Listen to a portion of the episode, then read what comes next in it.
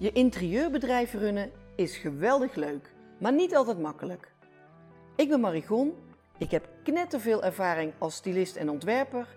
Ik ken de interieurbranche op mijn duimpje en ik laat je graag nieuwe invalshoeken zien voor waar jij als interieurprofessional tegenaan loopt. Hoopvol en met spanning kijk je naar het gezicht van je klant.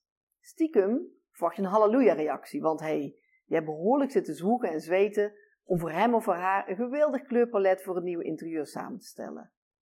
In plaats van euforie zie je hier een frons. En er valt ook nog eens een hoorbare stilte. Je hoort de klok tikken. Oei. Welkom bij mijn wekelijkse podcast waarin ik mijn visie geef op het vak van interieurontwerper en antwoorden geef op jouw vragen. En deze keer nog meer inhoudelijk over het maken van een kleurpalet voor je klant. Want het lijkt zo makkelijk, een beetje met die kleurwaaier wapperen, maar als je zelf al een beetje twijfelt, dan gaat je klant al helemaal twijfelen en dat wil je niet.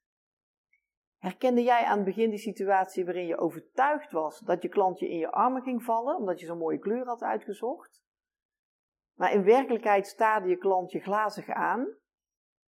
Ik ga je helpen met vijf tips waardoor je dit soort taferelen niet meer hoeft mee te maken. Ten eerste, stop iets meer tijd aan de voorkant van je advies. Je staat te popelen om aan de slag te gaan en in je kleurwaaier te duiken, maar ho, wacht. Je gaat te snel. Juist bij het onderdeel kleurconcept moet je wat langer stilstaan. Goed aanvoelen wat bij jouw klant past, wat bij de ruimte past en wat bij de functie van de ruimte past. En met je kleurkeuze mag je gerust wat stretchen, want dat is meestal de reden van je klant om jou in te schakelen, om uit die kleurcomfortzone te komen. En het gaat je echt tijdwinst opleveren als je doorvraagt bij de start van je advies. Kijk om je heen in het interieur van je klant en kijk ook naar wat je klant draagt. Want de persoonlijke stijl zie je vaak terug in kleding. Stel een goede vragenlijst op en neem de tijd. Zeker weten dat hierdoor jouw kans op een kleurvoorstel dat meteen in de roos is, drastisch toeneemt. Als tweede, zet je eigen smaak en voorkeur meteen aan de kant. En ik herken het, je hebt zo je lievelingskleuren. Ik ook. En bij mij veranderen die trouwens met de regelmaat van de klok. Maar jouw favoriete kleuren zijn helaas van geen enkel belang in het interieur van je klant. Schuif die daarom maar gelijk aan de kant. En natuurlijk kun je ze gerust toepassen als je merkt dat jouw smaak en die van je klant met elkaar overeenkomt. Maar persoonlijk vind ik dat de lastigste kleurpaletten. Het komt dan zo dicht bij je eigen gevoel dat het veel moeilijker is om dat goed uit elkaar te houden. Als derde, praat met beelden. Laat vooral veel voorbeelden zien tijdens jouw adviesgesprek. En mijn gouden tip is om beelden vooraf al te sorteren, zodat je die aan je klant kunt laten zien. je kunt zelf foto's van mooie interieurs printen, met je eigen printer bij een budgetprintbedrijf of zelfs bij de HEMA. Maar ik heb ook een beeldenbox ontwikkeld die perfect is om mee te nemen naar je klant.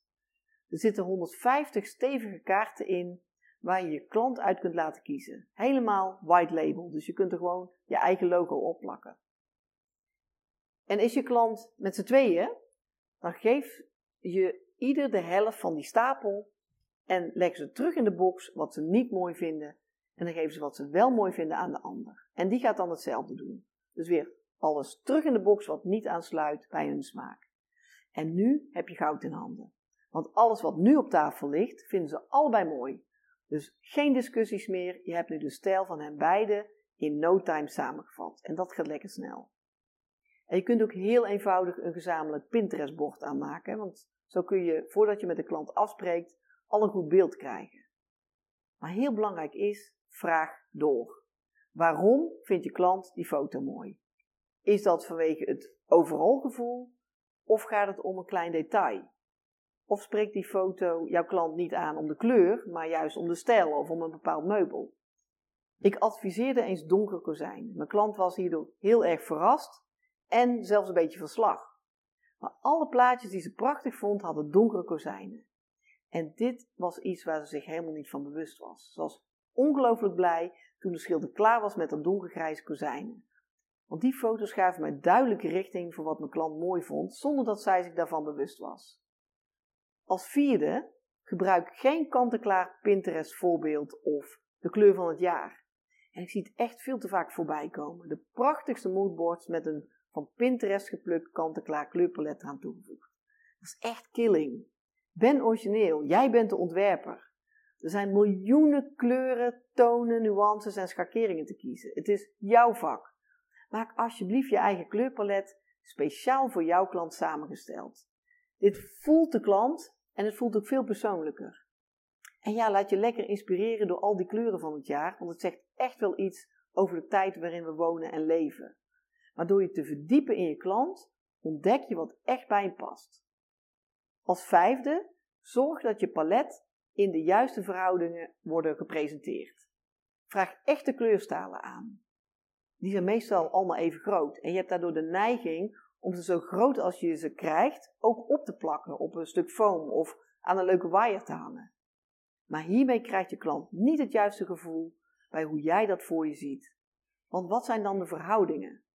Als er een pittige kleur bij zit, die jij als een subtiel accent ziet, maar net zo groot is als een neutrale tint voor een deel van de wanden, dan is de kans groot dat jouw klant zich een hoedje schrikt. Knip daarom de stalen altijd in de juiste verhouding, zodat jouw klant een realistisch beeld krijgt van wat jij voor hem hebt ontworpen.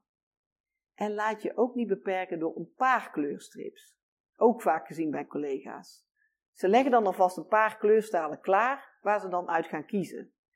Het is zeker waar dat je bij een klant niet alle 2000 kleuren uit jouw waaier moet laten zien. Daar worden ze zenuwachtig van, daar gaan ze van twijfelen en dat wil je niet. Ja, kiezen uit 10 stalen voelt ook niet echt royaal. Gebruik gewoon die hele waaier voor je klant, maak samen de selectie en vraag dan de betreffende stalen aan. En ik vind echte stalen een onmisbaar onderdeel van jouw advies.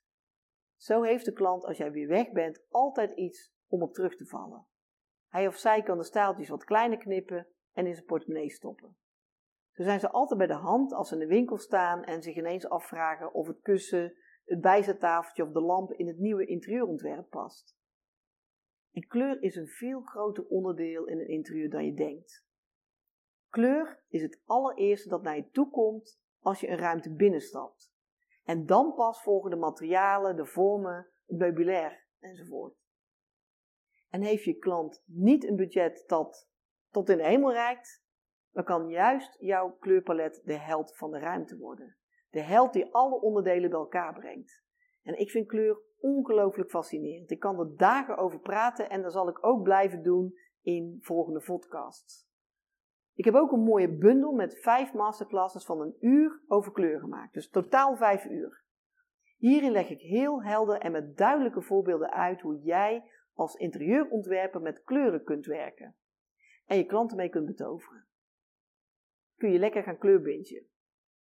Zou je dat liever live doen in een kleine groep samen met mij?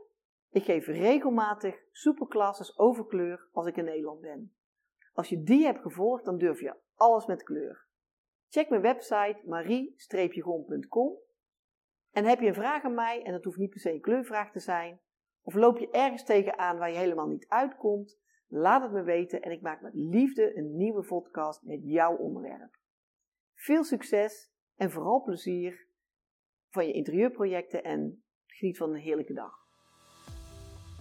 Leuk dat je luisterde of keek naar deze podcast.